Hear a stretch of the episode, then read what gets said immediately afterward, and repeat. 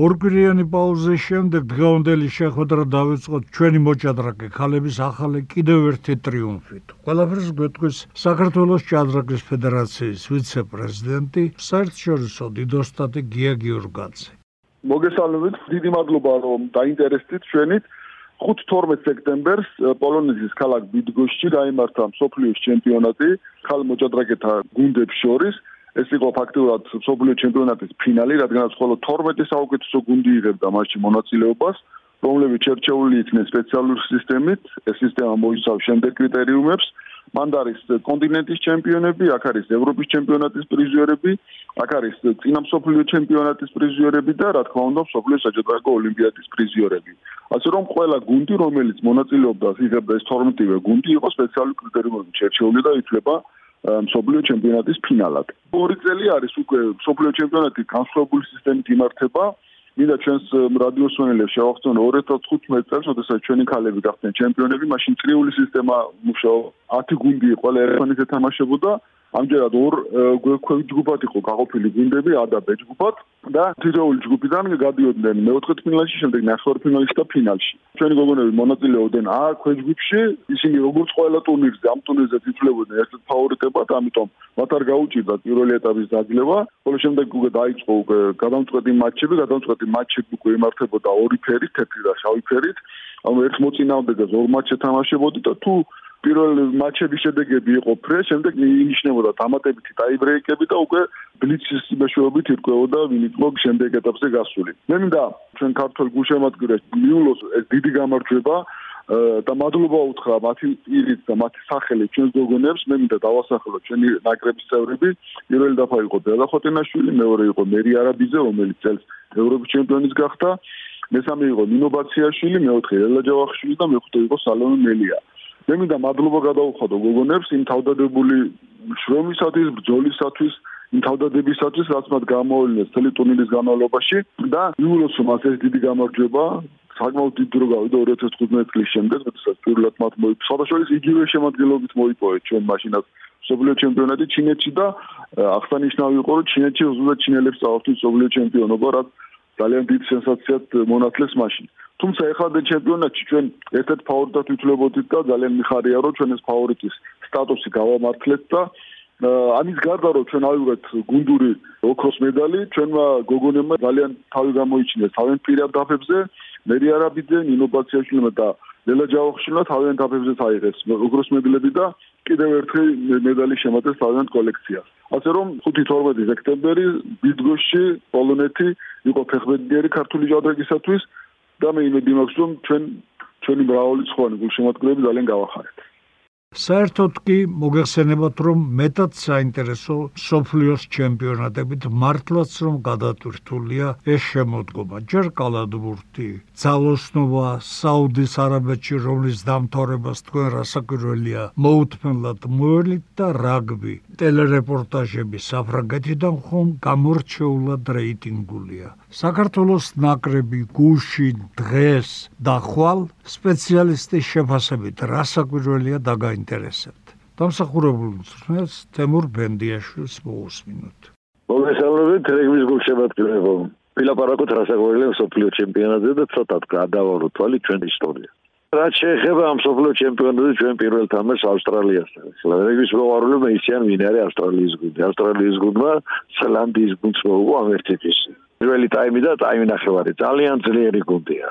ეხლა იმათთვისაც პირველი თამაში იყო რასაკვირველია, მაგრამ ავსტრალიასთან რო ერთ ტაიმს ისე ითამაშეთ, მეორე როგორიც ჩვენ ვითამაშეთ. ნუ ხაზი გაუსათ რომ ისინი წინ იყვნენ უკვე 21-3 მიყავდათ, მაგრამ ავსტრალია, კაცო, ავსტრალიას რო შანსი გაქვს რომ ერთი ზანოსი დაუდო, ორს დაუდევ და კიდე გექნება, მე მგონი წარმატებაა რა, მეც ნუ მოთხოვთ ახლა ამ ქებიჩებს ამ ჩემპიონატს. ჩვენ მოუგოთ პორტუგალიას და მოუგოთ ფიჯის და ავსტრალია გავიდეს თავის ფერად და შეიძლება ფინალში თამაშოს. ისე რომ მაინც იმედით უყურებთ ამ სუპერ ჩემპიონატს. 91 წელს დაიწყო ის ჩემპიონატი, სადაც ჩვენ დაგვიძახეს პირველად, მაგრამ დაძაბულ ბრძოლაში პოლონეთში ჩვენ მეტავი და წავაგეთ და ვერ გავედი. ასე იყო 95-ში და ასე იყო 99-ში. ახლოს ვიყავით ხოლმე, მაგრამ ვერ გავდიოდი. პირველად გავედი 2003 წელს. იმ 2003 წელს ახლა ჩვენ ისეთი გუნდი ყავდა რომ ცოტა უკეთესი შედეგი ჩვენებად შეიძლებოდა მაგრამ სვახრები ვიყავი და არავინ არაფერს არ გვიყურებდა რა შემდეგი წელი იყო 2007 წელი შემდეგი წელი იყო 2011 მერე 15 19 და ახლა არის 23 წელი არ შეიძლება არ გავიხსენოთ ის ცდელები რომლებიც იყვნენ ჩვენ ნაკრებში იმ პერიოდში და ყველას დიდი ვალობა უნდა უთხრა. დიდი სპეციალისტი რო იცოდეთ არავინ არის. მაგრამ ჩვენთვის რაღაც რაღაცები ყველამ ბევრმა გააკეთა. ქართული მსვლელები იყვნენ 2007 წელს საფრანგეთში. და ყველაზე კარგად ამ ჩემპიონატის 2007 წელს გამოვედით. ჩვენ სახელი ავიღეთ უბრალოდ, იმიტომ რომ ჯერეს ერთი არგენტინასთან პირველი ტაიმი 6-3 წავაგეთ და ზირაქიშვილი რო დამტროლიყო შეიძლება კიდე რაღაცა გაგვეკეთებინა. და მე ირლანდიას ფაქტიურად მოუგე თამაში, მაგრამ ისეთი სენსაცია იქნებოდა, რომ საჯებნა ცოტა სხვადასხვა იფიქრეს იმ მომენტებში, რა. დანარჩენი თამაშობ ჩემპიონატებზე, სადაც ერთ თამაშს ვიგებთ და ორი თამაში მოვიგეთ 2015 წელს. ეს იყო ის პერიოდი, როცა ზენიტში იყვნენ ჩვენი ისეთი მოთამაშეები, ჩვენი ლეგენდარული მოთამაშეები, გორგოძე, სირაქიშვილი, დანარჩენები საყვნენ, მაგრამ ეგორი იყო გამორჩეული ძალიან, რომელიც სოფლიო დონის მოთამაშეები იყვნენ იმ პერიოდისთვის. 2007 წელს ეგეთი ნაკრებში ერთ-ერთი ლიდერი იყო ხინჩაგაშვილი კიდე და აი ესეთი ისტორიით მოვდივართ ახლა. ფინანსოფლიო ჩემპიონატი ცოტა წარუმატებელი იყო, ასე ვთვლით ჩვენ, იმიტომ რომ წარუმატებელი იყო, რომ ფიჯი რომელიც გვეგონა რომ შეიძლება და ფიჯის დამარცხება დიდი ანგარიში დაგვამარცხა. იმის შემდეგ ქართული სტელები არიან ახლა და ახალგაზრდა ბიჭები არიან და მაგრად იდომებენ და უნდათ რომ ყველაფერი კარგი იყოს ახლა ყველაფერი ისეთი როგორ თუ არ არის როგორ ჩვენ გვინა მომავალში უნდა იყოს ცოტა ხელი შეწყობა უნდა ოღონდაც მეტი. ვერჯელ ვამბობ რომ 1500 საათი უნდა ივარჯიშოს წელიწადში რეგბისტმა. და როცა ვარჯიშობ 700 საათს და 750 იმათებდა ეწევი ყველი ამბავია. აი ნახოთ რა იქნება ახლა ამ ჩემპიონატზე შემართება ჩვენ ბიჭებს არაკლია. თავარია რომ მონდომებულები არიან, სწორლებიც მონდომებულები არიან. ვერთით გამოხედავს ამ პატარა ქვეყანა. და იმედი სწორით უყურეთ მომავალს. შემდეგზე კიდე მოგახსენებთ რაც იქნება. შეგახსენებთ რომ საქართველოს მორაგბეთა ნაკრები მსოფლიოს ჩემპიონატის მეორე მატჩს 23 სექტემბერს პორტუგალიასთან გამართავს. ფეხბურთი დაამთავრა დღევანდელი შეხვედრა და ტრადიციულად ჩვენს ბათუმელ მიმოხილვას გია ცანავას მოусმინოთ. მოგესალმებით, მივესალმებით ჩვენს რადიო მსვენელებს. მინდა დავიწყო იმ თამაშებით, რომელიც საქართველოს ნაკრებმა ჩაატარა ესპანეთის ნაკრებთან თბილისში და ნორვეგიის ნაკრებთან. რა შეიძლება ითქვას, თუ შეიძლება უფრო სწორად რამე ითქვას, ალბათ შეგვიძლია ვთქვათ, რომ სრულიად ჩავაგდეთ ჩვენ ეს თამაში და ალბათ მე ნაკლებად მახსენდება ასეთი გაფუჭებული, გაცუდებული თამაშები, რომელიც საქართველოს ნაკრებმა ითამაშა. რა თქმა უნდა, ქონია ჩავარდნები და ფეხბურთი ეს არ არის დიდი მოულოდნელობა ხდება, არ გამოგივა თამაში, მაგრამ მე ვფიქრობ, რომ დღევანდელი შემადგენლობა, ის შემადგენლობა, რომელიც თავს ეხლეს საქართველოს ნაკრებში, ამბილად არის ის ფეხბურთელები, რომლებმაც თბილისში ნებისმიერ გუნდთან ამხელა ანგარიში არ უნდა წააგოს.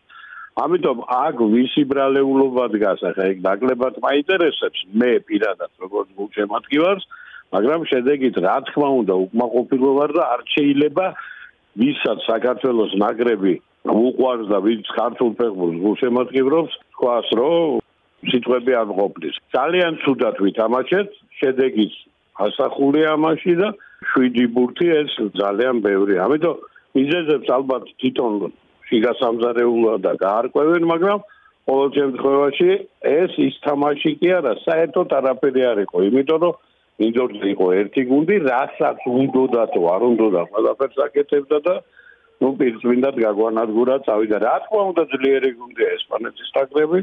რა თქმა უნდა, ჩვენზე გაცილებით გამოცდილი ფეხბურთელები ყავს და ახალგაზრდები, საოცარი ახალგაზრდები, ამიტომ შეიძლება წავაგეთ, მაგრამ არც ჩვენ ყავს სუდი ფეხბურთელები ნამდვილად.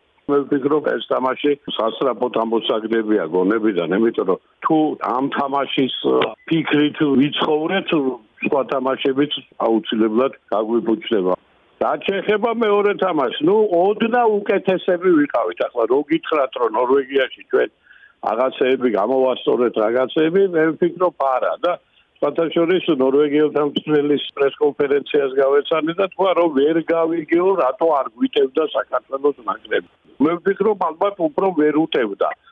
რაც ქვია არ უტევდა, რანაირად ჩადი შეგიძლია თამაში მოგება, გამწვავება, გოლის გატანა და არაკეთებ ამას შეგნებულად გამორიცხულია. ზედიზე წაგებული სამი თამაში რა ვიცი, რა შანს გვიტოვებს დავფიქრეთ და მივხვდებით.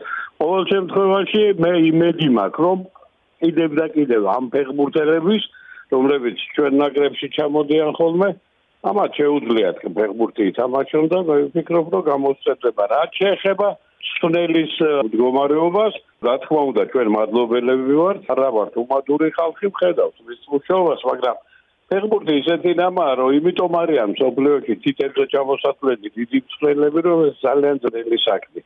ამიტომ არიან მსვლელები, რომელიც გარკვეულ სიმაღლეს მიაღწევენ და იმის იქით ვერც მიდიან და სამწუხაროდ ვერც იყურებიან. მე არ მაქვს ახლა სანიოზე ლაპარაკი, მანდა მაინც ზოგადად ვამბობ, მაგრამ ყველაფერი გასათვალისწინებელია.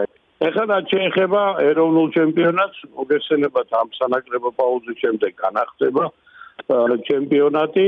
და მე ბათუმის დინამოზე გეტყვით იცით რომ ახალებს ფედე მოვიდა გიაგე გუჩაძე წავიდა და მოვიდა უკრაინელი სპეციალისტი გორის დილადამრად მოვიდა და რამდენიმე თამაში ითამაშა ბათუმის დინამო მის ხელში. ნუ ჯერჯერობით ადრია რაღაცებზე ლაპარაკი მაგრამ ნუ შედეგი ყოველ შემთხვევაში კარგია. ეხლა ისეთი თამაშები აქვს ძნელი თამაშები ბათუმის დინამოს რომ აი აქ გამოჩნდება უფრო ალბათ ახალი მწვრთნელის პოზიცია და მისი შეხედულებები და მისი სტრატეგია.